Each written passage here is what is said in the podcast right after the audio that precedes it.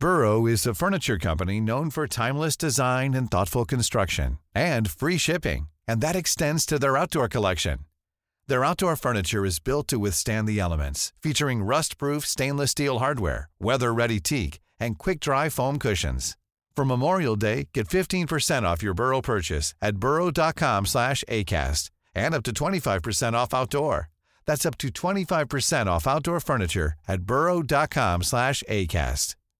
Hi, I'm Daniel, founder of Pretty Litter. Cats and cat owners deserve better than any old-fashioned litter. That's why I teamed up with scientists and veterinarians to create Pretty Litter. Its innovative crystal formula has superior odor control and weighs up to 80% less than clay litter.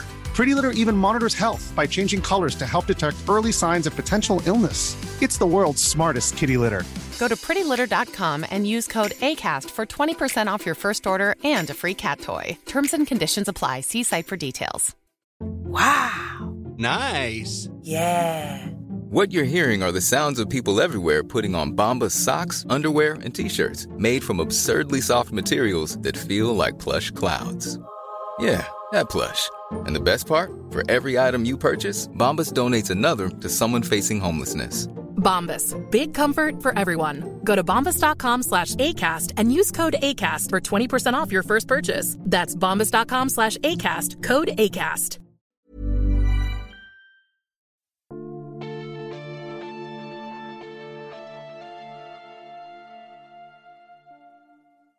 Välkomna till Sagan om Isfolket-podden Avsnitt 15 Vinden från öster Jag heter Dan och med mig har jag Anna Hej Anna! Hej Dan! Hej! Nu ska vi prata Ryssland Ja! Och massa episkhet och mysterier och lösa trådar som plötsligt blir jättehopknutna Massa episkhet, det händer ju jättemycket i den här boken Gud ja! Jag blev faktiskt förvånad över att den var så bra. Jag kommer inte ihåg att den här boken var så bra. Exakt samma här. Jag hade sett den här som lite så här en mellanbok som är så här, ja den innehåller en massa viktig fakta men historien var inte så jättebra. Så läste jag den och satt helt slukad och bara jag måste fortsätta, fortsätta och sen tog den slut. Exakt samma här. Jag kände att eh, det här är en perfek det perfekta receptet för en Isfolket-bok. Det är en fristående historia i någon mening. Det har en tydlig början och ett tydligt slut. Men det är också att sagan är ständigt närvarande. Vi får reda på mer om isfolket. Åh, det var jättebra! Ja, och det bäddas upp så snyggt. Hela tiden de här snygga uppledningarna för nästa grej. Nya trådar som vävs in, nya grejer som, och som får det kännas så självklart att jaha, det är så det hänger ihop. Det är jättebra planteringar i den här boken också inför framtiden.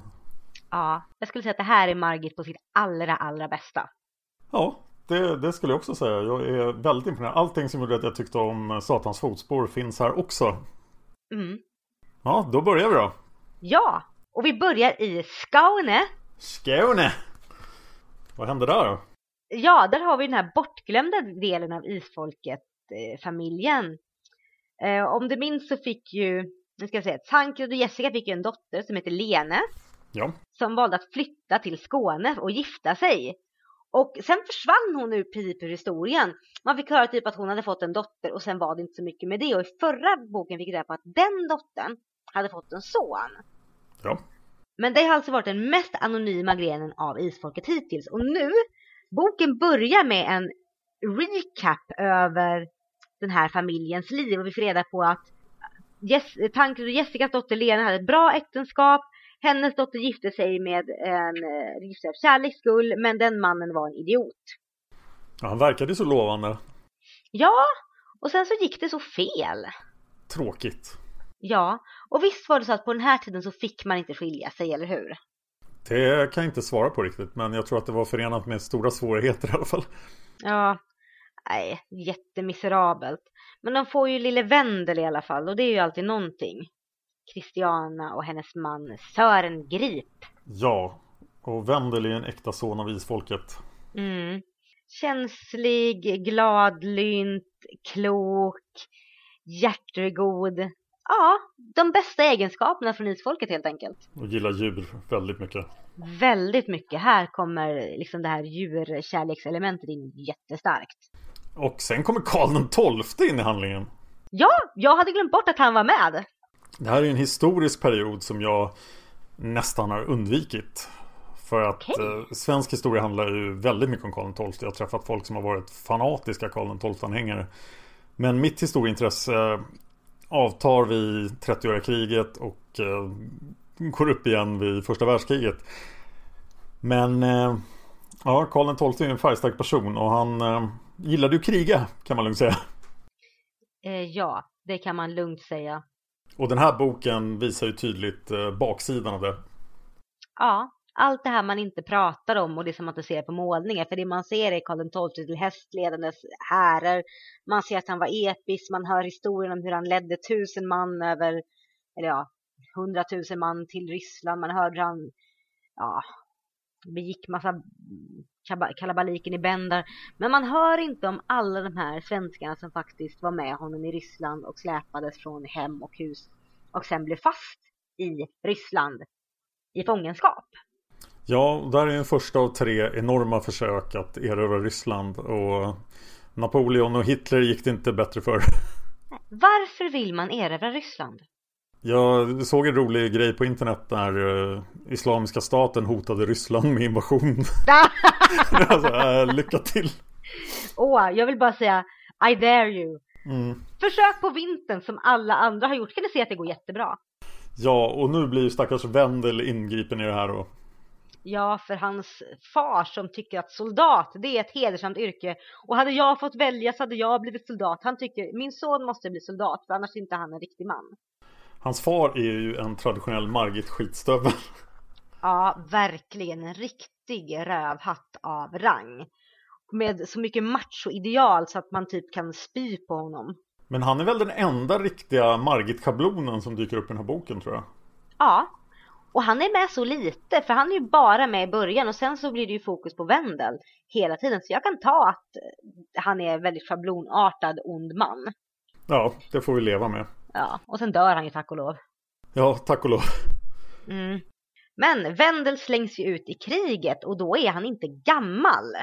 13 då? Ja. Och han åker ju ut då med, nu ska jag se, vad heter han? Korfitsbäck. Ja, precis. Han och Wendel åker med som en stövelknäckt. Mm, det låter som ett bra jobb. Ja, är det man tar på någon stövlarna? Mm, det väl jag ska stå på mitt CV. Stövelknäckt. Det hade varit episkt. Jag vill också ha det på mitt CV.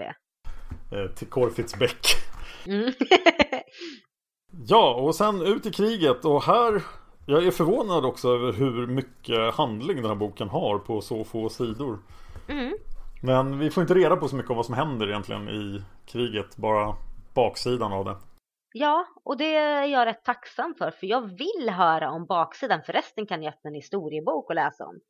För det vi får reda på här är ju liksom hur jobbigt det är för de här svenskarna som blivit tillfångatagna att dels genomlida att vara fångar och tvingas marschera in under skam och ta att de har faktiskt förlorat ett krig. Och sen att vara i fångenskap i Ryssland och sen skeppas vidare till Sibirien.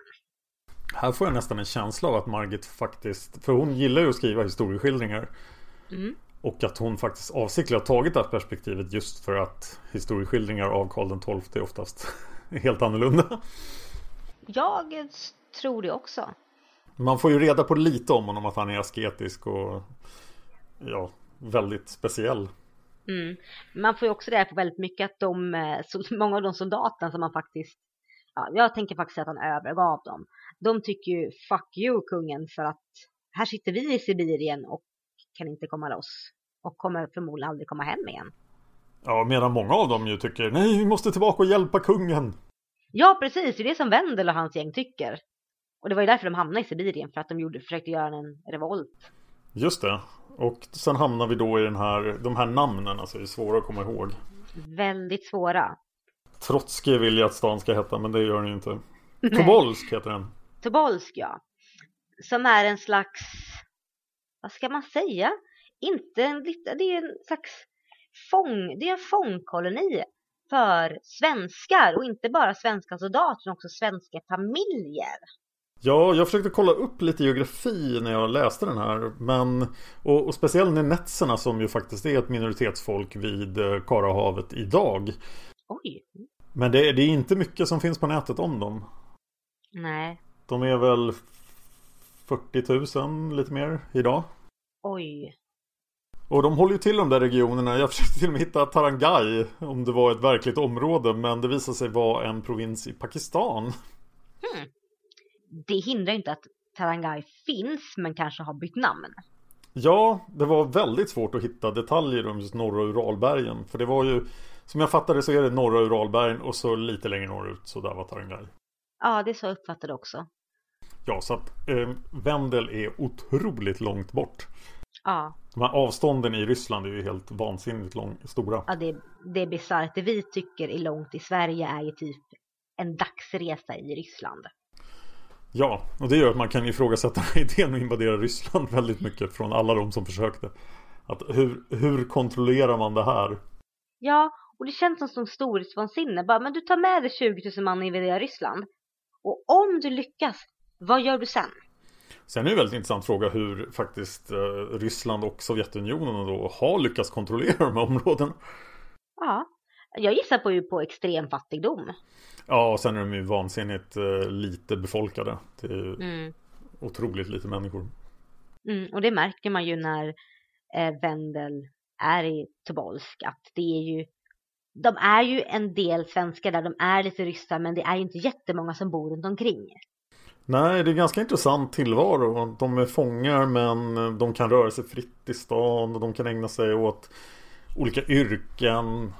Ja, Vendel lär sig att eh, göra ornament på hudar och så. Det är som en slags Ja men hade det inte varit för att de faktiskt var fångar i ett annat land så hade det ju varit som en slags nybyggarkoloni. Ja, det är, det är en bisarr invandringssituation. Så Ja. här bestämmer staten att eh, ni, ni måste ta emot alla de här krigsfångarna och se till att de inte rymmer. Jag funderar lite grann, förutom att Australien, alltså så här, de, de, krigs, eller, de fångar som skeppades från England till Australien. Ja. Att det kan ha varit lite så här för dem också. Ja, det verkar ju ganska likt förutom då att där fanns ju ingen lokalbefolkning riktigt. Nej, precis. Jag gör ju min Fan och History podcast, plugg plugg. eh, om perioden mellan 1000 och 700 för Kristus. Och det här var ju en väldigt vanlig taktik från assyrierna. När för att pacificera ett område de hade erövrat så tog de helt enkelt en jättestor bit av befolkningen och flyttade den till en helt annan del av imperiet. Det är det som hände med judarna. Eh, Det är babylonierna som gör det men när judarna flyttar ut från Israel så är det ju av den anledningen. Men, men då hade de verkligen satt det här i system att vi byter ut folket och så placerar vi de här vid någon jobbig gräns och då måste de jobba för imperiet för att de som är på andra sidan gränsen kommer att tro att de är en del av imperiet så de måste samarbeta med oss. Söndra och härska alltså. Verkligen, det var en väldigt vanlig taktik i Assyriska imperiet. Den funkade ju uppenbarligen. Men här finns det ju ingen att skydda Ryssland ifrån utan det är verkligen bara, bara för att det är långt bort. Och jag antar att de behöver folk i den här delen av landet också. Att ingen vill ju flytta dit frivilligt. Nej, precis. Att de har ju de här, de tillverkar saker. Jag antar att de gör ju någonting mer vettigt också. Men också för att de ska vara så långt bort som möjligt. Jag tror säkert att Ryssland upplevde Karl XII som ett reellt hot. Så att de vill inte att hans mannar och officerer och de som var kvar skulle komma tillbaka och kanske börja rusta igen. Ja, när man, när man tittar på Rysslands historia så förstår man ju att de, de är väldigt fixerade vid området mellan Moskva och Sankt Petersburg. Mm. Så att de är ju mest i västra delen av Ryssland. Och de tycker också att det här är fruktansvärt långt bort. Ja, där vill inga civiliserade människor bo. Så det är lätt att skicka dit de man faktiskt vill gömma undan. Precis, om man tror på eh, globala uppvärmningen att det är ett reellt hot i, i snar tid så köp mark i Sibirien. Det måste vara jättebilligt. Och så blir det varmt och skönt där om, om hundra år. Yay! Eh, ja, och i Tobolsk då så blir ju Vendel kär. Ja, i Maria skog. Ja, och så har de en jättefin isfolkskärlekssaga och får massor, nej, ett barn. Nej, det var Nej. inte så. Det var inte så. Nej, för att Vendel som precis börjar bli lite så här, åh jag är kär och det här är min första romans och han har ju typ bara upplevt krig, död och liksom blivit vuxen och nu är han får han chans att vara normal. Så det Ja, här är en jättesöt liten historia, men sen kommer Corfitz Beck och ska vara ett jävla rövhål. det är otroligt osmidigt av Corfitz Beck. Ja. Och man undrar lite hur mycket Korfitz och Wendel har umgåtts i Tobolsk. De måste ju ha så här, jag tänker de har umgåtts hela tiden under krigsåren. Mm. Men de nu verkar känns det plötsligt så, ja. Ja, de verkar vara jättekompisar med varandra. Och om, om Korfitz nu ska gifta sig med henne Borde inte bland, vara bland det första han säger så Åh, jag tror lovat mig med Maria så här, ja Ja men precis, jag tänkte på det också. För nu så blir det ju bara så här, ja du ska inte komma här och peta på min tjej, vi är faktiskt trolovade. Vilket du borde sagt, Ja. till din typ bästa vän. Det känns som det här missförståndet kanske är den svagaste punkten i hela boken Men det är ju väldigt nödvändigt för att handlingen ska fortsätta Ja, eller så, alltså Korfitz är, framstår ju överlag både som en bra kille men också som en väldigt, väldigt klassstyrd människa. Så du kan ju tänka att han här i Tobolsk var så här, vi har varit bästa vänner men nu får du gå och leka med de andra fattiga pojkarna och jag ska hänga med de rika människorna. Ja, det verkar ju vara lite så Men han tar ju med Wendel dit och det orsakar ju allting Och han känns ju som en väldigt hygglig kille Förutom i den här scenen Ja, så jag bara så här, vad händer? Ah, Jag blir så trött för det, alltså det, det, det är det som triggar hela grejen att Wendel faktiskt flyr därifrån. Och jag förstår honom. Och den här flykten är ju så fantastisk Ja, den är jätteepisk.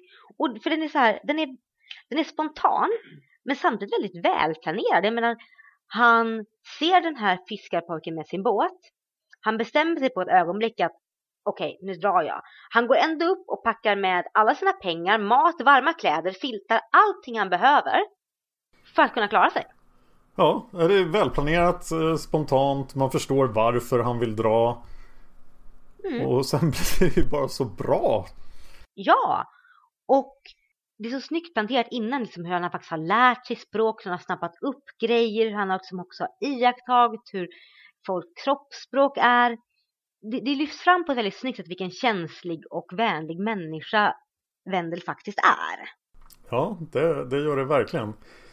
Och jag tycker att när, när vi kommer ut i båten här Mm. Då är vi där vi var när Hilde gick på stigen. Det är som mest spännande. Det är, det är jättebra beskrivet. Det är riktigt, åh, man känner att man är i den där båten och man vet inte riktigt var man är på väg men man måste fly och Sverige är jättelångt bort. Ja, men det känns som man sitter bredvid Wendel i båten och man så här, man känner liksom så här, ja men det är kallt och det är öst och kan man gå i land här och man är med honom när han blir nästan jagad av ett vilddjur och känner den här ensamheten och vart, vart, vin, vart går den här floden? Går det mot väster? Nu går det mot något ost? Jag vet inte riktigt, men kommer jag någonsin komma hem? Ja, det är, jag är väldigt imponerad och då måste man ändå komma ihåg att det här är ju faktiskt transportsträckan i boken. För att vi måste ju få upp honom till, till Tarangay och området däromkring. Ja, och det är så lätt att den här transportsträckan hade kunnat bli jättetråkig eller bara blivit så här, åh, sen åkte han båt i tre dagar och sen vaknade han upp och var bland massa folk. Ja men det, det är hur hungrig han är och temperaturen och allting runt omkring. Ja men precis och liksom att han vaknar och är blöt så att båten har läckt. De här små detaljerna som är så här, åh vad jobbigt allting blir. Och min favoritscen är nästan när han kommer fram till Ob. Och bara, ah, kan en flod vara så där stor? Vad är det som händer? Hjälp! Ja, bara så här, vad händer? Och så just där, där känner man hans ensamhet också. När han är så här, han försöker upp på hjälp, ingen hör honom för det dränks i floden. Och han var så här, ja men det är ingen som kommer sakna honom om båten slår runt. För det är ingen som vet att vad han är. Eller ingen som vet vart han liksom har kommit ifrån.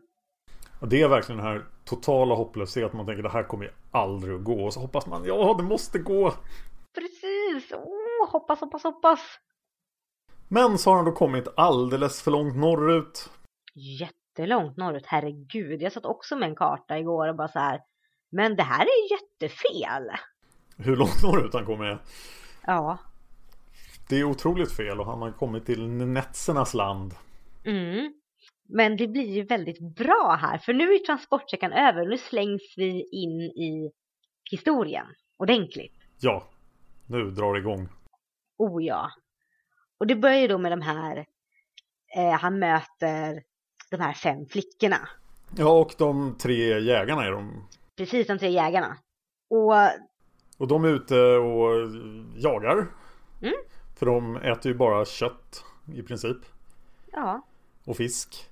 Och de har det här tillfälliga boplatsen där. Och där råkar han stöta på dem då. Det var ju tur. Det var en väldig tur.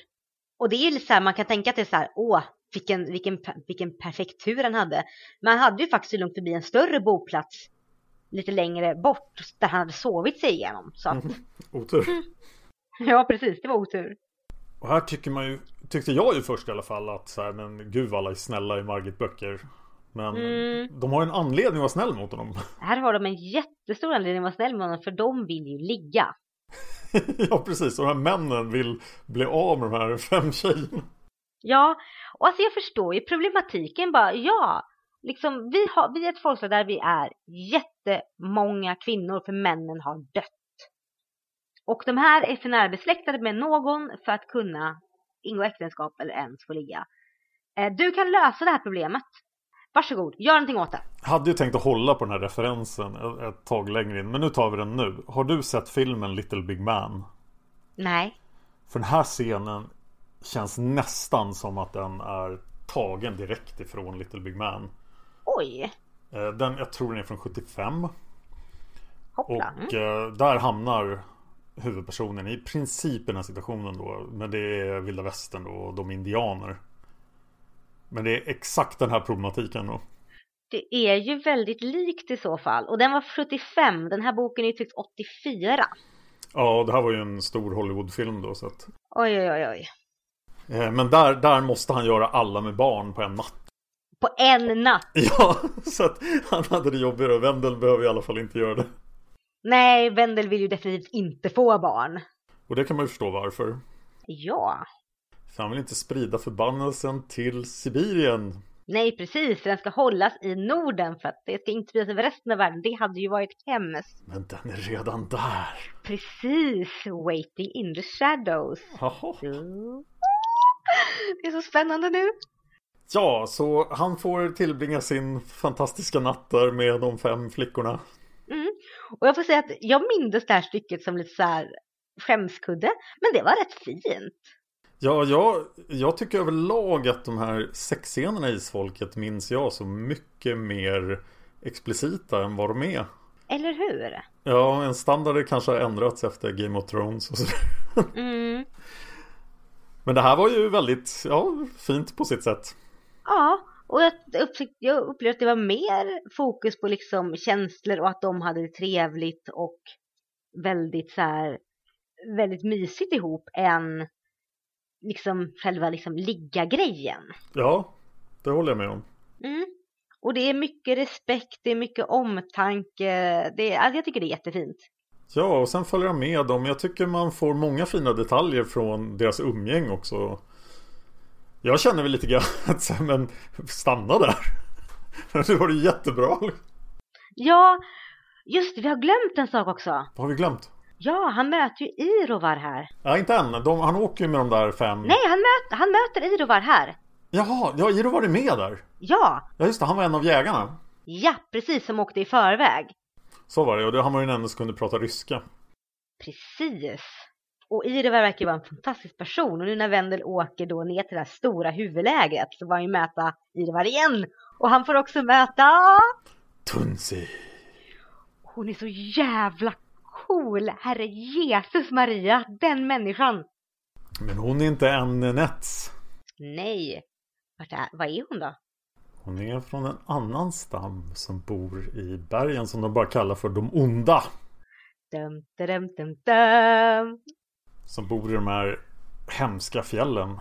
Ja, precis där folk typ inte ens vill titta för det är så mycket ondska som pågår där. Mm, som kallas för Tarangai. Mm. Och eh, ja, det kunde ju varit en bättre familj att komma från, men eh, Tunsi är ju ascool. Ja, hon är väldigt speciell. Mm. Schaman och vi får se henne i aktion också. Precis, och det är jättespännande för jag hade helt glömt bort att man får faktiskt se henne göra sin shamangärning. Ja, det hade jag också helt glömt bort. Ja, så jag blev jätte så här, jag hade bara så här, ja men hon är shaman och det sades väl någonstans. Så bara oj shit, här är hon faktiskt shaman och hon är faktiskt en shaman på riktigt. Och typ den bästa som någonsin typ, som liksom funnits. Ja, och sen har hon ju då Vi får reda på mer om hennes ursprung Mm. Och hon är ju inte Hon är inte Hon avslöjar det ganska lätt Alltså hon vill ju att Wendel ska veta Mm. För det är ju någonting när de tittar på varandra. Det är liksom en underström av förståelse, någon samhörighet. Wendel känner ju det med en gång. Men han greppar inte riktigt. Men hon, jag tror att hon förstår det på två röda. Att det här är inte bara en tillfällighet. Jag tänkte faktiskt på det där att den som är borta Den av isfolket som är borta från isfolket Vill alltid komma hem Och det vill han ju Men här gör han ju det Han kommer ju faktiskt hem här. Han kommer ju till isfolket För Ja. Tunsi är ju av isfolket Ja, precis. Den gren som Blev kvar mm, när Tengil den onde eller Tangil flydde mot Norge. Och när man inser den här kopplingen och att vi nu får, vi har ju hört att isfolket tog sig fram över de sibiriska, ja, att de tog sig fram i vildmarken här. Ja, vi har, vi har fått Villemosyner och sådär. Men nu blir det så väldigt konkret. Jaha, fyra personer blev kvar. Ja, fyra kvinnor med barn, så det var ju liksom många. Och det här, det, det blir väldigt, det blir väldigt intensivt när man får det så här rakt upp och in på. Att man bara inser att, oh shit, så här hänger det ihop. Och då ändå, jag har ändå läst boken flera gånger. Men jag får gåshud när jag läser om just när Tunsi förklarar allting och inser att de är båda isfolket. För det blir väldigt starkt. Och det är ju först här den här historien om den nedgrävda kitteln slås sönder. Precis, att det faktiskt inte är så att han sålde sin själ till Satan utan han faktiskt sålde sina efterkommande för att få evigt liv. Och så just raden där, Tengel den onde lever. Då slängde jag ifrån mig boken och squeade lite grann. Jag var såhär, oh my god! Och det hade man ju inte riktigt väntat sig. Nej! För det var så här. Alltså visst, man har ju haft med sig att isfolk det är en större, det är en liksom, det är en familjehistoria, det finns något stort i bakgrunden, oh, en ond förfader. Men här går det på en helt ny nivå av episkhet. Ja, jag tycker det är så fascinerande att den börjar då i slutet på 1500-talet men att den historien egentligen går bakåt mycket längre. Och Ja. att den biten kommer nu. Mm. Med besked. Här liksom dyker den ju upp ordentligt. Men sen säger hon ju också att eh, Tengel onde förmodligen inte springer omkring i Isfolkets dal utan att han ligger i dvala. Och det förstår jag inte riktigt hur hon har kommit fram till det. Jag skulle, nu spekulerar jag bara. Jag skulle gissa på att hon drar den slutsatsen att han ligger i dvala. För att om han inte gjort det så skulle han gjort mycket större inverkan på människornas liv. Fast kunde, kunde inte han ha gjort det utan att Tunsi hade märkt det? Men hon är ju shaman. Jag gissar på att hon har syner, kontakt med andar som gör att hon ändå kan få ett hum om vad som försiggår. Ja, det, så kan det ju vara. Och man får ju reda på också att någonting Det får man reda på, eller någonting har hänt. Någonting hände honom där. Ja. Men man vet inte riktigt vad, men någonting var det. Och det här involverar då Shama. Precis, som är Tarangai, Taranginas dödsgud.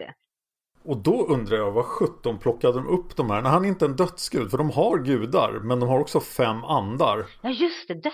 Va, vad är han egentligen? Han är stenen och dödens ande. Ja, den hastiga döden, eller hur? Något sånt där. Ja, så kan det vara. Mm. Men var plockar de upp den här religionen? Jag har ingen aning. Det kommer nog avslöjas i en senare bok. Mm. Men vi får också reda på att Shama gillar att samla på folk som dör för unga. Precis. För att de blir så fina blommor i dödens trädgård. Dun, dun, dun. Eller ska jag säga i Göteborg i påsk. Ja! Göteborg, hurra! Ja, där vi ju ska livepodda Dödens trädgård. Mhm. Bok 17. Ja, och jag lovar inga blommor, men jag kan lova att det kommer bli episkt. Ja, och eh, ja, väldigt fin plantering där inför den boken. De säger ju faktiskt bokens titel så att jag vågar, vågar spoila så här mycket. Mm, det får man göra. Så Shama, Döden och Stenens ande, Mm. gillar blommor i sin trädgård. Ja, och han borde hitta en annan hobby i övrigt. Ja, det borde han verkligen göra. Eh, det händer en massa andra saker här, men det här är ju verkligen den stora saken i hela boken. Ja, och hur Wendel och Tunsi verkligen pratar om detta och reder ut saker och reder ut också om hur det fungerar med de drabbade. Reder de verkligen ut det? Jag tycker de förvirrade enormt. De förvirrade lite grann, men det som just det här som säger som att ja men det är en i varje nation men de också att ja men ibland har det hoppat över i Norge eller så här. Men det har ju inte gjort det. Tekniskt sett så har det gjort det lite grann. Ja, när då? Nej just det, Villemos syster. Fan också. ja, så att eh, jag önskar verkligen att Margit hade gett oss en generation som inte hade någon drabbad. Mm. Åtminstone kunde ha varit generationen före Tengel. Ja. För det är Hanna, eller hur? Nej. Det är Hanna som är generationen före Tengel. Nej. Det är det inte. Är det inte? Nej, det är någon annan ingen Tengel, tror jag. Inte Grimar, Grimar är Ja, Grimar är det ju förstås. Ja, Herregud. Så Vega, Hanna, Grimar, Tengel, Sol, Sol, Trond. Grim, Villemos stora syster, Ja, Ulvhedin ja. och sen, Mm, sen ja. ja, sen så är det väldigt snyggt för de i den här boken nämner, eller Wendel säger, ja vi har en drabbad i min generation. Det är någon med väldigt gula ögon men vi pratar inte så mycket om vem det är. Punkt. Men han verkar inte veta vem det är. Nej, Och det är inte orealistiskt eftersom han har varit borta så långt från de andra. jag kollade faktiskt på det här, det är orealistiskt. Är det orealistiskt? Ja, Borde enligt, släkt, enligt släktträdet Ja. så är det orealistiskt för Du får inte avslöja vem det är nu. Nej, nej, jag avslöjar inte vem det är. För att eh, oavsett så känner han ju till att det är någon med gula ögon som har fötts. Ja. Men de inte vill prata om vem det är. Alla i Wendels generation är födda vid Ja. den här tiden. Så de rimligtvis borde känna till vem det är. Så att här är det en, tolkas som att det är en medveten grej Margaret vill hemlighålla vem den drabbade är för att det ska vara lite snyggt. Och det, tycker, det funkar väldigt bra för jag sitter bara, men gud vem är det? Det känns lite som att hon redan har gjort det här tricket förut. Men det kanske är värt att göra igen. Det är värt att göra igen. För sen så rabblar de upp namnen på dem och bara, ja just det, och så hade vi en drabbad där också. Men de säger inte vem det är. Och det är väldigt snyggt. Ja, det, vi vet ju att det inte är Wendel. Mm, det är inte Wendel. Så att vem kan det vara? Mm. Dun, dun, dun. Ja, det är Jon, Dan och Ingrid Precis. som är kandidaterna. Ja. Jag skulle gilla om det var Dan. Ja, det är klart skulle göra det. Mm. Men vi kommer kanske få reda på det i nästa bok då. Kanske det. Som då är Galgdockan.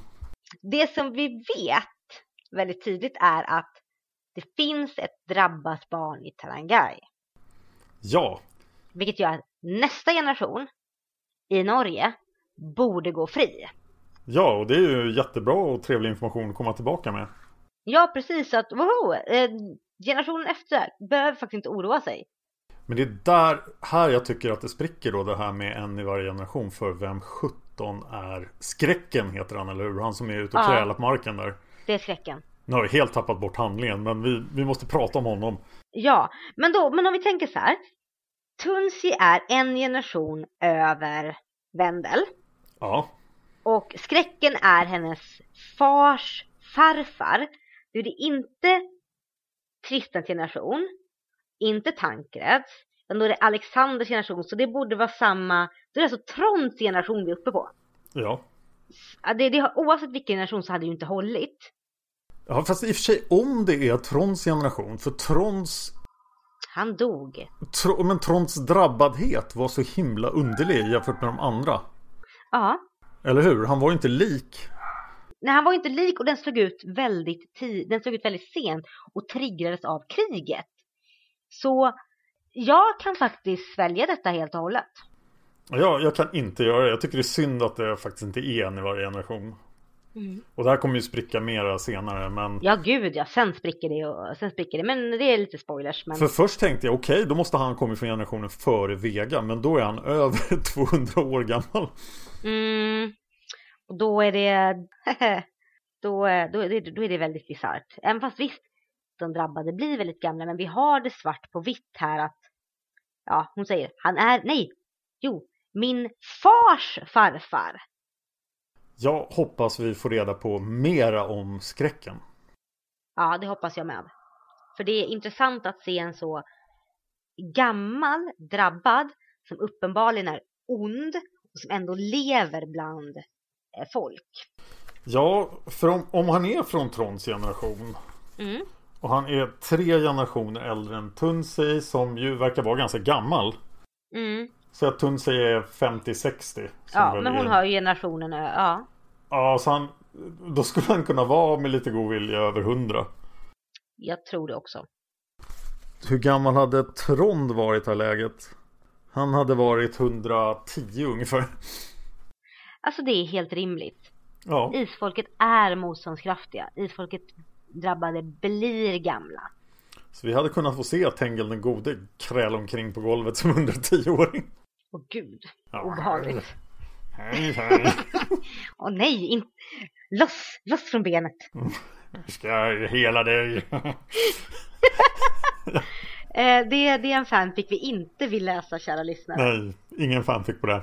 Nej. Okej, nu har vi helt tappat bort handlingen här. Att Ja, men vi var på skräcken. Men vi måste vända tillbaka. Vi är på schamanritualen och, och där börjar Tunsey pilla på Vendel. Precis. För Tunsi har ju en plan. Hon vill ju att Wendel stannar och gifter sig med hennes dotter. Och varför vill hon det så gärna? Dun, dun, dun. Ja, varför vill hon det? Vem säger åt henne att det här ska hända? Mm. Är det någon så här generell bara jag känner att det här är rätt för att eh, jag är magisk? Eller är det någon av hennes andar eller gudar? Jag tror att det är lite av båda. För att hon nämner ju att eh, det var vinden, jordens och vattnets andar som förde hit Ja, Vendel. Just det, så de vet ju någonting. Precis. Jag skulle gissa att Tunsi är BFFs med de fyra andarna jord, eld, vatten och vind. Det vill säga alla andar som inte är Shama.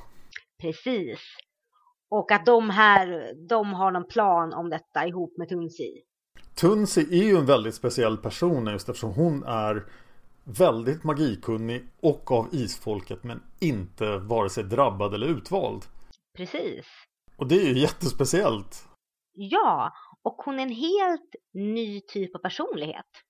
Ja, så jag funderade på en sekund om det faktiskt kunde vara så att isfolket andar hade någonting med det här att göra. För hon känns ju som en person som de skulle kunna kommunicera med. Mm. Ja, det känns som att eh, Tarangajerna och även Netsna överlag är mycket mer i, eller de är ju mycket mer i samklang med naturen och andeväsena. Mm. Så jag tror inte det är så konstigt att Tunsi har bra kontakt med dem. Jag tror att det här hade ungefär varit som ifall, ja, ifall de i Norge haft varit i bättre samklang med natur och andra runt omkring så hade de nog kunnat kommunicera med förfäderna lite lättare. Ja, För att- det kan man ju tänka sig. Det som känns som en oöverstiglig barriär hemma i Norge där förfäderna griper in lite då och då men folk inte riktigt koll på vad de gör eller vad de vill eller när eller hur känns som att den barriären inte längre finns här. Nej. Så kärleksbesvärjelse på Vendel. Japp, och på eh, hennes dotter lite grann. Ja, Mm. Som heter, gud hon har ett konstigt namn. Sinsiev. Så var det ja. Och det finns en son också, Nungut. Ngt. Mm. Ja, Han är lite rolig också. Han är också visfolket då. Precis, också visfolket, också väldigt magikunnig och ska bli shaman. Ja, så han vill vi se mer av. Ja, precis. Sinsiev är ju mest bara, hon är tonårsflicka, det är allt jag tänker säga. Ja, Hon är väldigt mycket tonåring. Hon är 16, drömmer om en stark och modig man, är Tu. lite dryg. Ja, gud, sämst namn i världshistorien. ja Tu som sitter och rensar sina fiskkrokar eller vad han gjorde. Och har tre fruar. Och det är en eftertraktansvärd man. Mm, Ja, han verkar het. Och, hen, och hennes kusin också. Här tycker jag också att Wendel blir väldigt mänsklig och en bra karaktär för att han är ju väldigt principfast. Mm. Men han ger efter för de där fem flickorna och han ger efter för den här besvärjelsen. Mm. För att han, han klarar inte av vad som helst. Nej. Och nu är han jättekär i sin sev. Mm.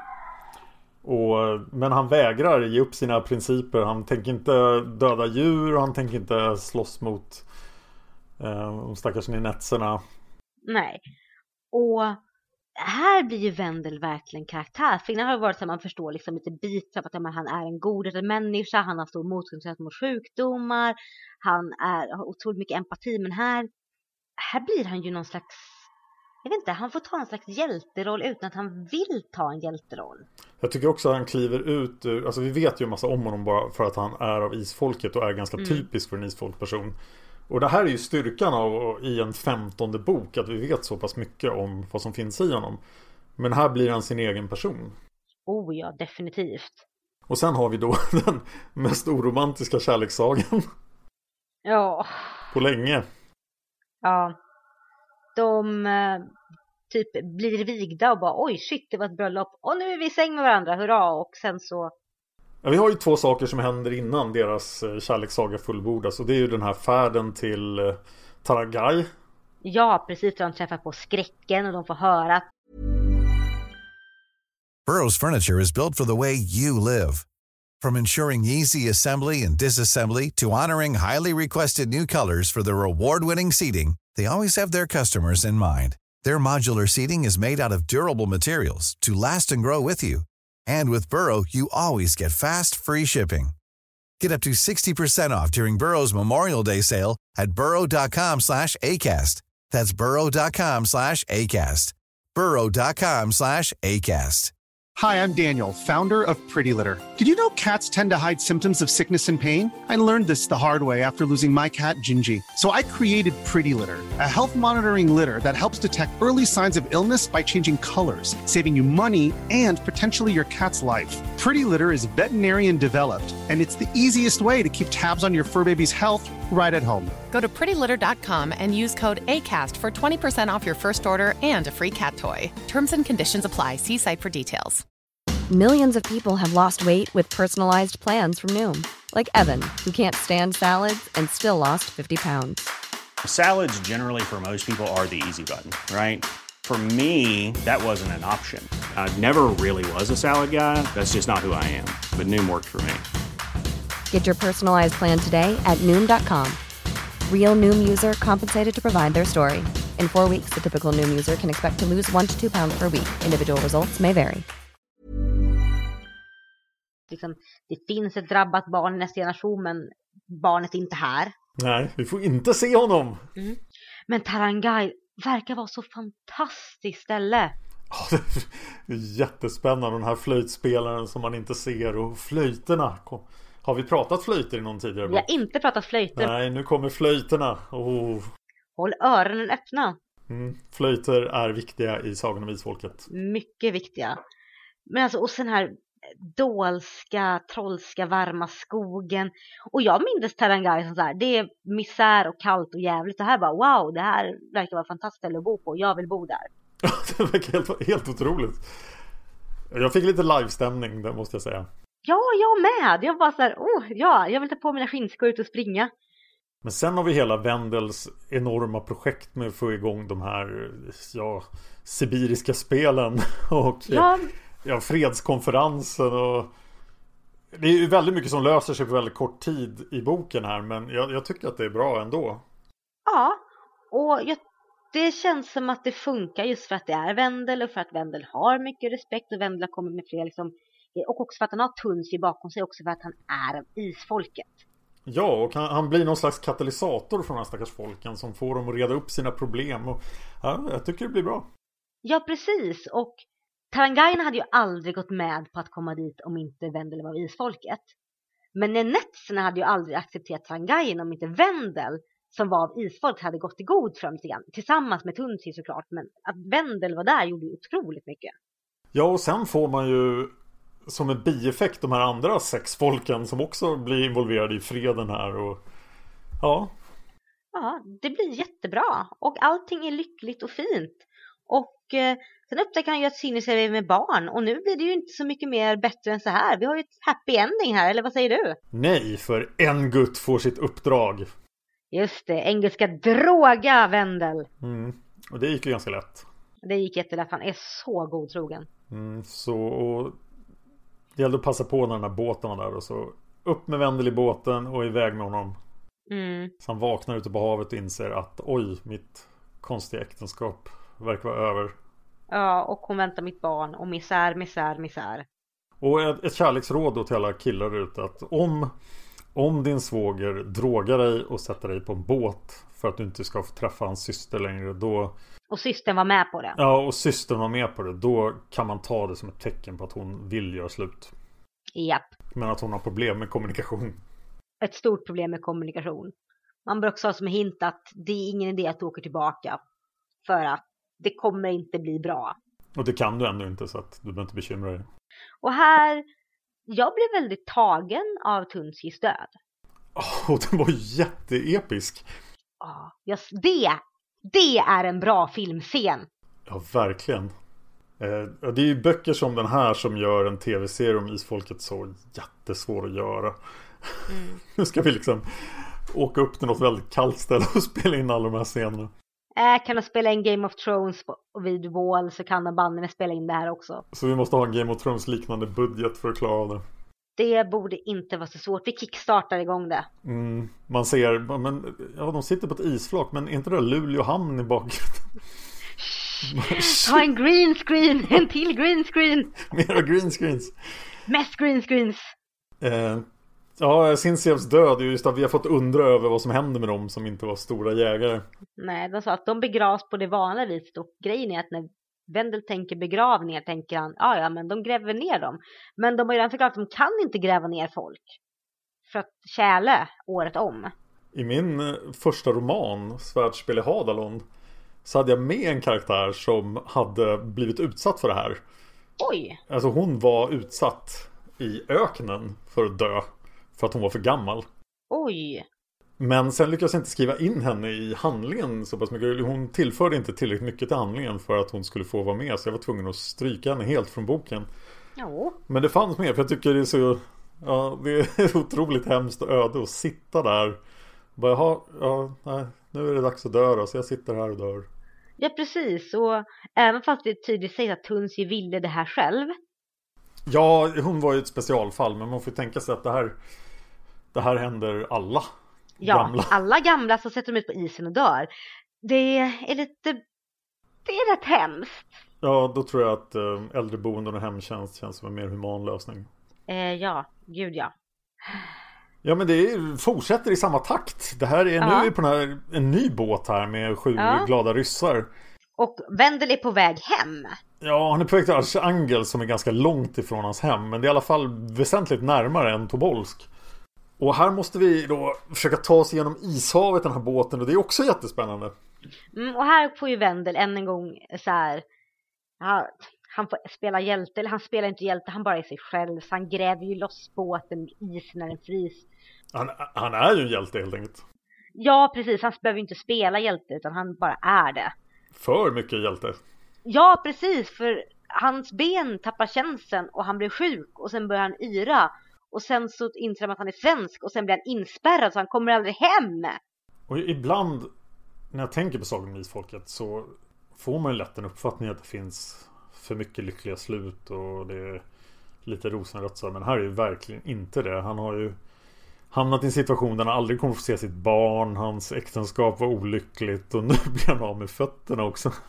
Och han är också inspärrad igen. Ja, Och han är inspärrad rätt många år. ja det är väl... Ja, det, hur länge är han borta egentligen? 13, 15 år är han borta. Ja, men från att han blir inspärrad här. Alltså han tänker ju på sitt barn som skulle vara sex år på slutet. Ja, okej, då, är han inte, då är han bara inspärrad i fem år. Ja. ja det känns ju oklart. Han har varit hemma ett halvår. Nej, ja, där. fyra, fyra. Ja, något sånt. Och sen sker den här intressanta perspektivbytet i boken. Ja, precis, för nu är det plötsligt Corfitz Beck. Corfitz Beck, huvudperson i Isfolket. Viewpoint Precis. character.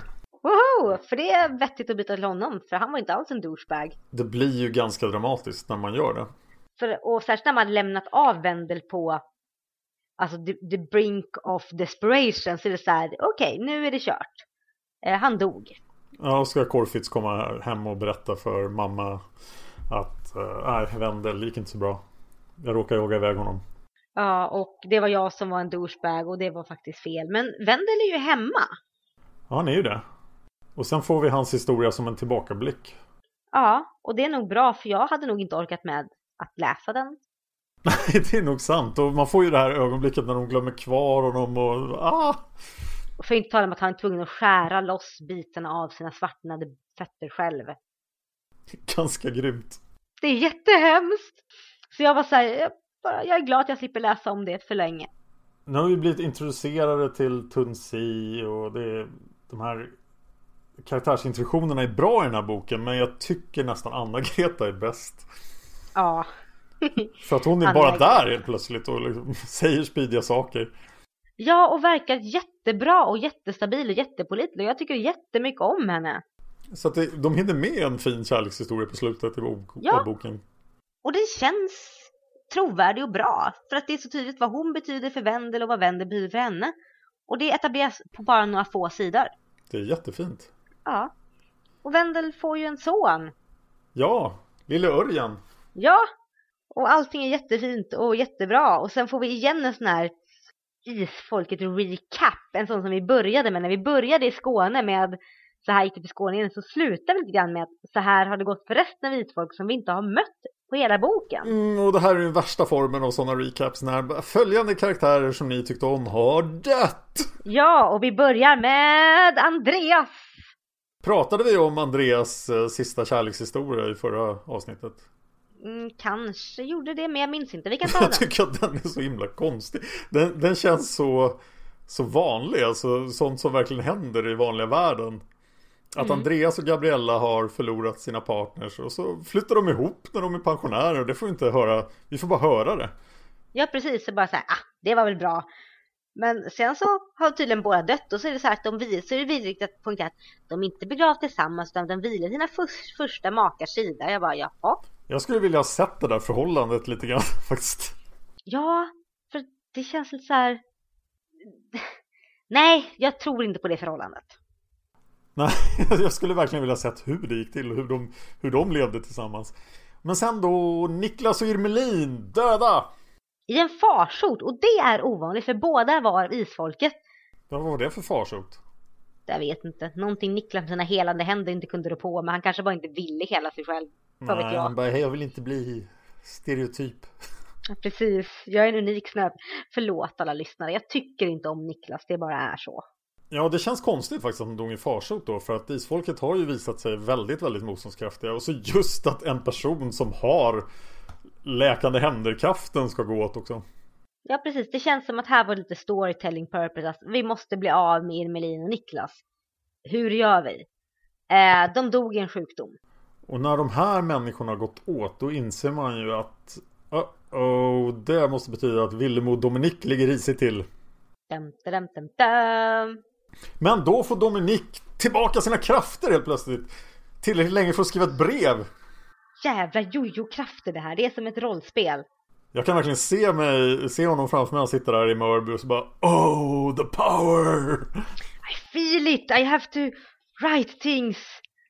Och så bara, Och så skriver han det här ganska underliga brevet.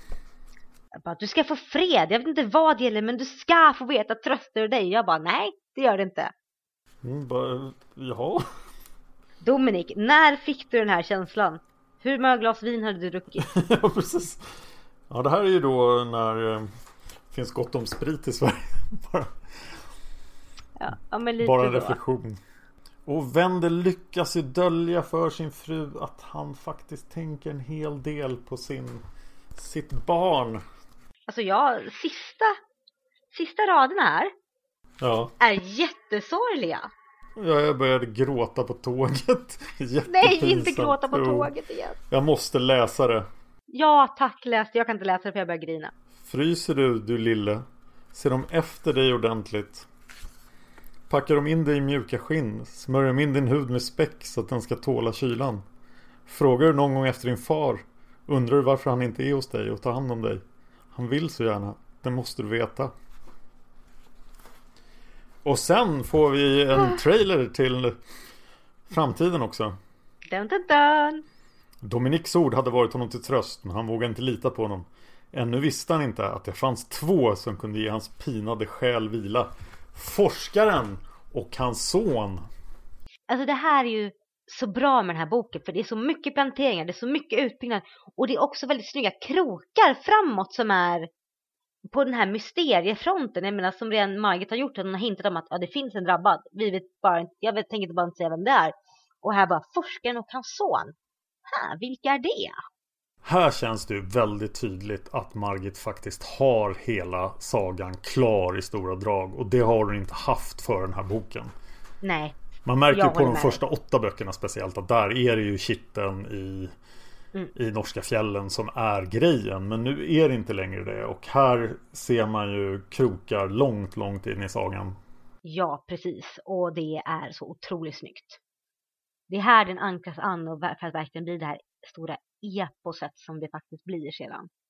Nu var det ju faktiskt en slump, men jag skulle säga att det inte var någon slump att det är just Dödens trädgård vi har bestämt oss för att livepodda. För Dödens trädgård är ja, en Den är fantastisk. väldigt stor punkt i sagan. Oh ja. Där, där först får vi reda på vad den här serien handlar om egentligen.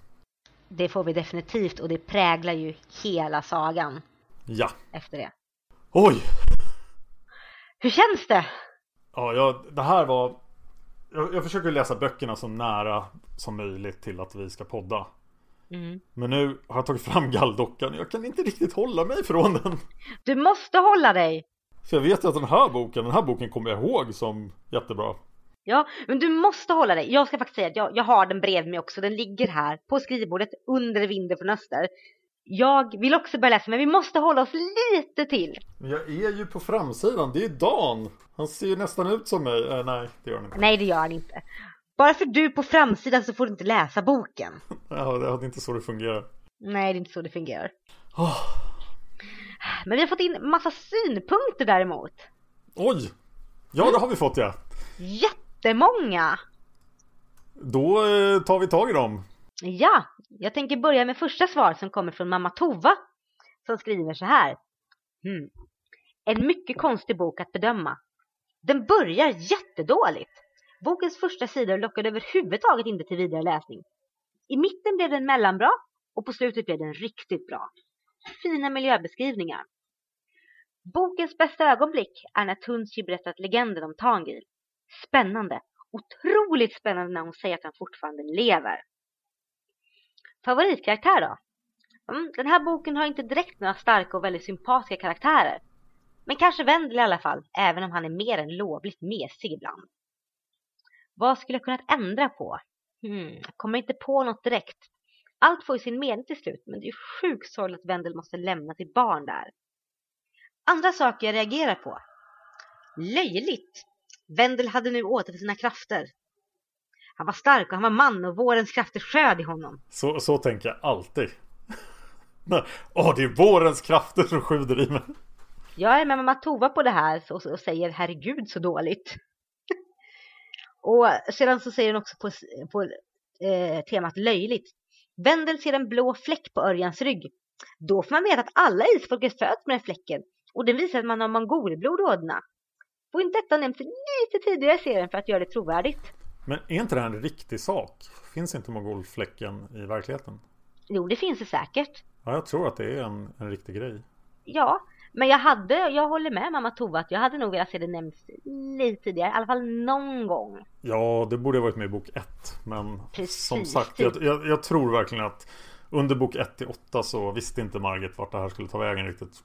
Nej, hon visste nog inte hur många böcker hon skulle få skriva heller, men Nej, det vet hade- man ju. Det har hon ju berättat att hon, hon, när hon började så var det åtta böcker som hon skulle skriva. så att jag tror att, men det hade ju varit kul ifall till exempel man Ara hade haft en fläck när han föddes. Ja. Eh, jag måste säga en sak om namnet Tangil. Mm. Jag tycker att det är jättebra att han får det här namnet så att vi kommer bort från bröderna Lejonhjärta. det är så svårt att tänka all makt åt Tengel vår befriare.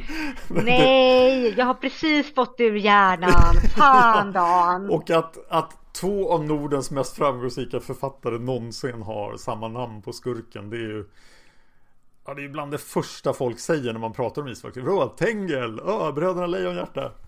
Han bara, nej det är inte det. Tengel, ena Tengel har en drake, andra Tengel har evigt liv. Hur svårt ska det vara? Så jag tycker det är skönt att han heter Tangil.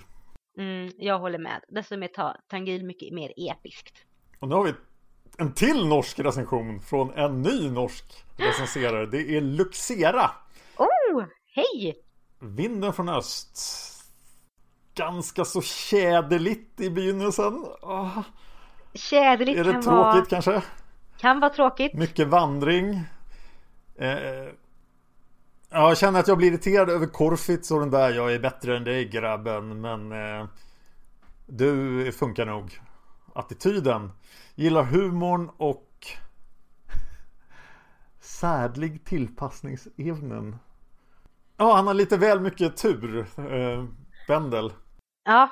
ja. Ett av ögonblicken jag gillar bäst är faktiskt lite skadeglatt när Korfitz kommer och ska beklaga Jag ska, ska be om ursäkt för att de har tappat Wendel i Ryssland och att När han får eh, portmonnän i handen Från Wendels mamma Mm. Han bara, vad menar du den här? Och Wendelfax är hemma. Oj vad svår den här norskan var Jag ber om ursäkt Luxera Det är inte du, det är faktiskt vi.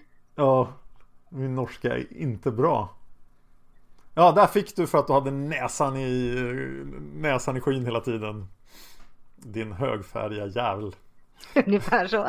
Favoritkaraktären i den här boken är oväntat nog Irovar Oh! En genomgående snäll och omtänksam man som är uppriktigt kär i sin schamanhustru och sin omöjliga och älskar sin omöjliga dotter.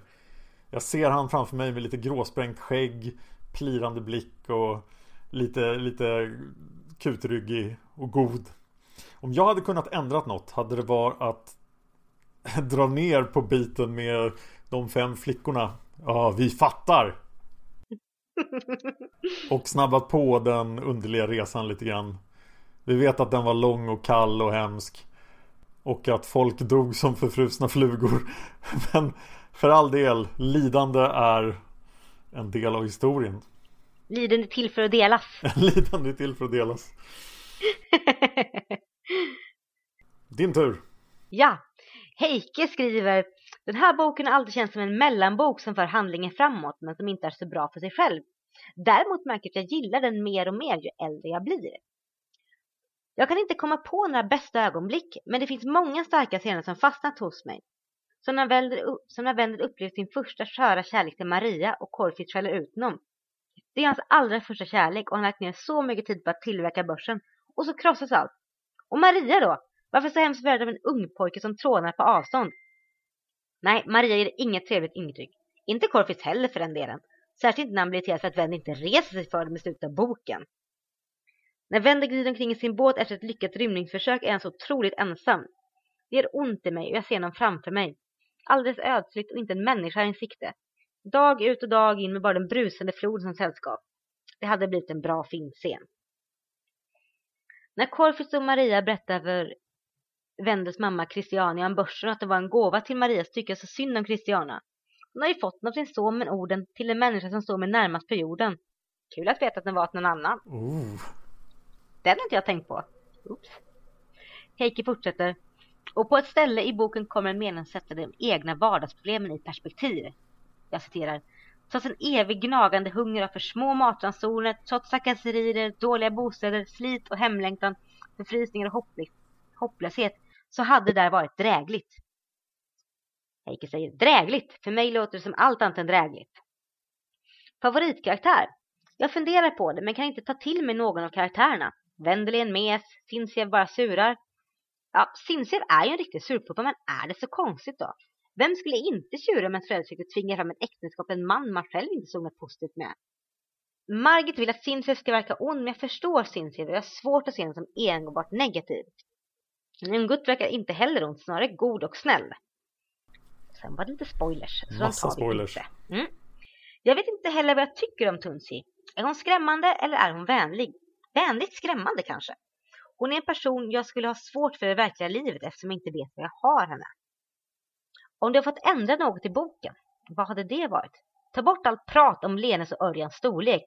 Varje gång det handlar om dem så nämns det hur feta de är.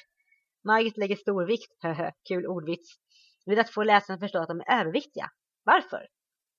I övrigt, Wendel reflekterar över att föräldrarnas äktenskap inte var så lyckligt. Han lämnade hemmet vid 13 års ålder så det känns inte rimligt att han plötsligt kommit till den insikten utan att träffa föräldrarna i vuxen ålder. Efterverkningarna av kriget är så sorgliga. Kvinnorna som gick om sig tror att deras män har stupat, männen som gick om sig i Ryssland och kvinnan som väntar förgäves. Vilket öde. Sen har vi Blodshämnd. Som på söndag håller i mötet för grundandet av den nya isfolksföreningen. Woho! Woho! Heja, heja! Mer om det senare. Eh, vad tycker du om Vinden från Öster? Överlag tycker jag boken är väldigt långtråkig och för mig känns boken bara som ett onödigt mellanspel. Det här är en av de böcker som jag läst minst gånger. Vilket är bokens bästa ögonblick? Det är när den är över! Hehe, nej, skämt åsido. Måste säga Wendels orgie, den var spännande. Vem är din favoritkaraktär och varför? Wendels svärmor Tunsei. Hon var cool. Om du har fått ändra något i boken, vad hade det varit? Jag hade låtit Wendel behålla benen. Mm. Jag borde vinna pris för kortast och tråkigast svar. Det var inte alls för kort och för tråkigt. Det är bara Nej. att svara. Vi blir glada för alla svar. Ja, det blir vi. Vi är så jätteglada för dem. Sen har vi fröken Anna-Maria som, är, som skriver att hon är ny här på forumet men har hängt med podden nästan från start. Välkommen fröken Anna-Maria och alla ni som lyssnar och inte har varit på forumet än. Gå till isfolket.se, klicka på forum, registrera er och släng er in i diskussionen. Ja, gör det! Vi blir jätteglada. Eh, fröken Anna-Maria säger att isfolkböckerna började läsa i tonåren på 80-talet. Hon skriver följande. Eh, om Vinden från Öster. Spännande med en flytt till en helt kultur och ett spännande historiskt sammanhang. Jag gillar också att vi här får reda på mer om isfolkets ursprung. Jag har flera gånger letat på kartor för att kunna följa Vendels färd längs floderna i Sibirien och vet på ett ungefär var Tarangai ligger. Eller skulle ligga om det vore sant. Det är också intressant att få reda på mer om hur de svenska soldaterna hade det i rysk fångenskap. Som jämförelse kan jag rekommendera boken Karolinas Poltava av Else Rydsjö som också beskriver svenskans vistelse i Tobolsk, framförallt kvinnans situation. Det finns mycket likheter. Bästa ögonblicken i boken är när Tunsi avslöjar för Wendel att isfolket har sitt ursprung hos hennes folk och att Tengil den onde utför sitt onda dåd redan där och inte i Norge. Vilken slump att Wendel skulle hamna där av alla ställen i Sibirien. Det var nog någon som styrde detta. Mm. Sorgligast att Wendel två gånger förlorar sin kärlek. Först hans spira tonårsförälskelse i Maria Skog och sedan den visserligen frambesvärjade men ändå passionerade kärleken till Sinsiev. Och inte fick han någon av sina fem flickor med sig hem. Fram att han finner lyckan till sist. Bästa karaktären måste vara Wendel. Jag gillar hans humor, godhet och optimism samt engagemang för fred och försoning mellan folk. Skulle behövas fler människor av den typen. Vad vill jag ändra på? Varför kan inte förfäderna gripa in och förhindra det där olycksaliga bröllopet mellan Christiane och Sören Grip? Någon i släkten måste väl ha sett vilken knöl till karl det var? Ja, och som vi har sagt tidigare så som jag förstår det så måste förfäderna verka genom någon som har makten att kanalisera dem.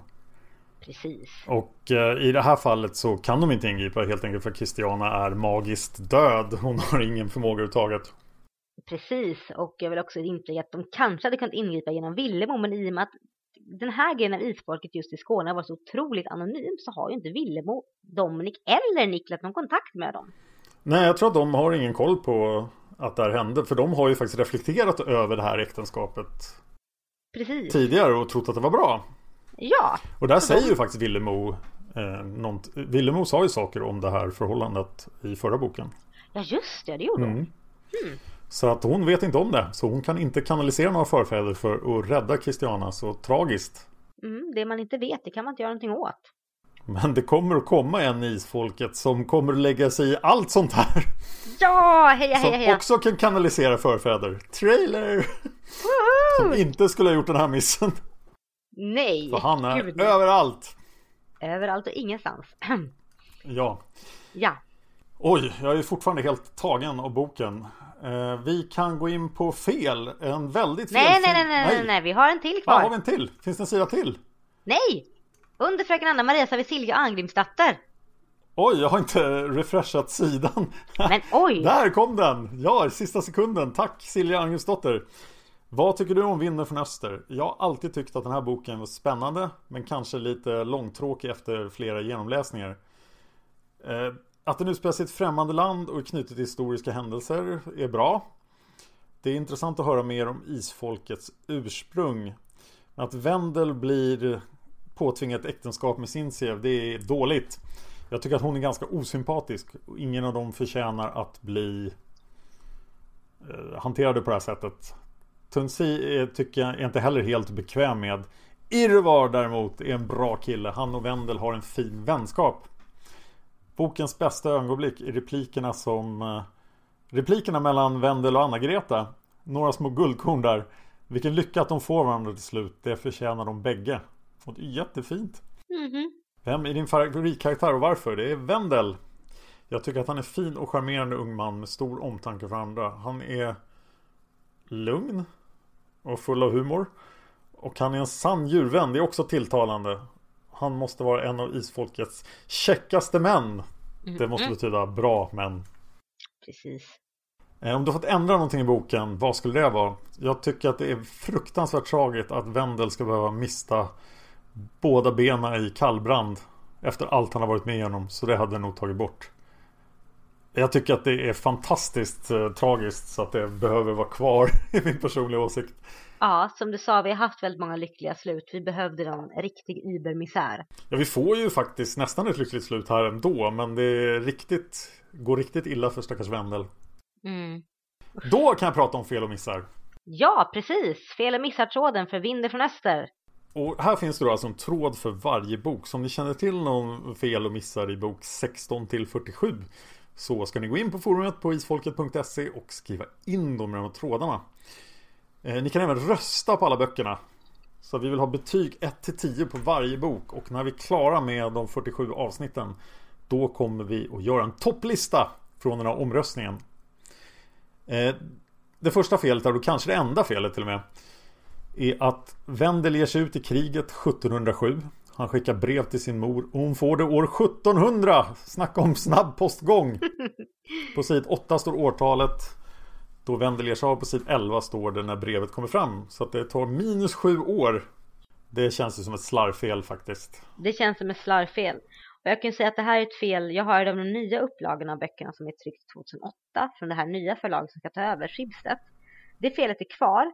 Och även fast det är ett litet fel så gör det väldigt mycket för det fuckar upp hela min tidsuppfattning i början av boken. Alltså det borde man ju kunna fixa i det här laget. Ja, jag menar liksom den här tråden om den här tråden med felet har funnits i rätt många år så det känns som, och det, det är så väldigt uppenbart. Ja, första upplagan är från 84. Eller copyrighten är från 84. Så man tycker att någon borde kunnat se till att det här felet försvann. Men det är enda felet. Woho! Så det var allt med Vinden från Öster. Har jag sagt allting jag brukar säga? Jag tror det. Jag tror det också. Mm. Var kan lyssnarna hitta mer av dig, Anna? Jag har en blogg, setsunaseras.blogspot.se Där skriver jag om lite av varje, om anime-serier, om antirasism och feminism. Och där får man jättegärna gå in och läsa. Jag har även en Facebook-sida, Setsunaseras. Där jag postar ut länkar, lite roliga bilder på katter. Den får man jättegärna gilla. Och jag finns på Twitter under Anna Seras. Och Dan, vad kan man hitta mer av dig? Ja, man kan faktiskt hitta mig på Isfolkspoddens Facebook-sida för det finns ju också. Så att vi har en Facebook-sida där. Där postar vi direkt när vi har lagt upp nya avsnitt. Mm. Och där kommer också frågetrådarna inför varje nytt avsnitt som vi poddar upp. Så följ den och forumet då förstås. Jag finns på Twitter som Dan Horning. För att Ö funkar dåligt på Twitter. Eh, och just nu, eftersom det är den 24 februari idag när vi spelar in det här och den 28 februari 30-årsdagen av mordet på Olof Palme. Och just nu är jag inblandad i att lansera en YouTube-kanal och en podcast om detta, det största olösta mordet i världshistorien. Det mest utredda olösta mordet eh, någonsin i hela världen. Så är jag väldigt besatt av det just nu. Så att om ni känner någon eller om ni själva är det minsta intresserade av det här fantastiska kriminalfallet så kolla in Palmemordet på YouTube eller på iTunes. Det var allt från oss idag. Ja, det var allt vi hade för idag. Ja, vi skulle ju säga när vi ska livepodda. Ja, just det ja, för det drar sig närmare. Det är snart Gotcon 2016. Ja. Och vi tänkte göra så här. Planen är att vi ska podda på fredagen på Gotcon. Och det blir alltså... Den 25 mars. Precis. Och jag driver ju ett nördfeministiskt rum på Gotcon. som ligger i norra och det är rum nummer NE05. Så planen vi har för att podda är att vi, att vi kommer vara vid rum NE05 klockan 17.30. Och ni som vill följa med och titta och lyssna på när vi poddar, ni kommer dit, samlas med oss där och sen går vi till det rum där vi tänker podda och sen kör vi! Och om ni kommer sent så kommer det finnas en lapp som berättar var vi är någonstans. Precis. Och det här är alltså Gotsconets spelkonvent i Göteborg. Mm. Vad är det för hela påsken. Vad Vad, vad heter skolan? Hvitfeldtska. Ja, där är vi på påsken. Precis.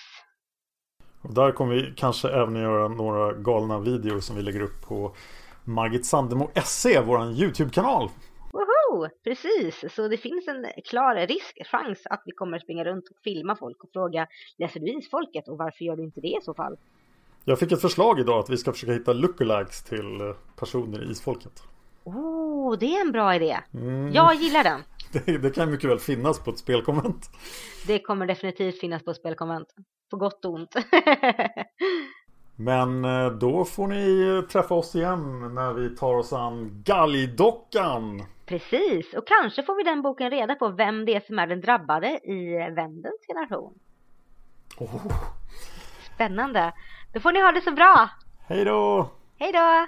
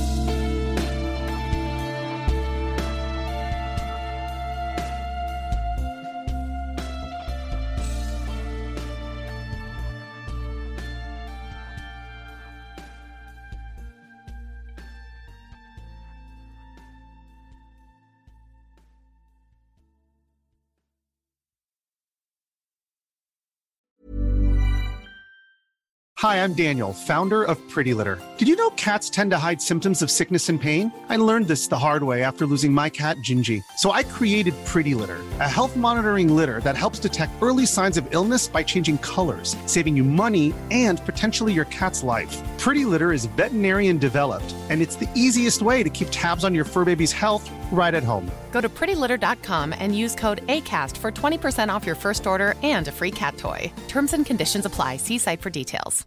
With the McDonald's app, you can get your favorite thing delivered to your door. So if you were looking for a reason to skip washing those dishes you left in the sink, consider this a sign. Ba-da-ba-ba-ba. Right now, get $0 delivery fee with any purchase of $15 or more, only in the app. At participating McDonald's, minimum purchase excludes tax and service fees. Delivery prices may be higher than in restaurants. Other fees may apply, not valid with any other offer, discount, or coupon.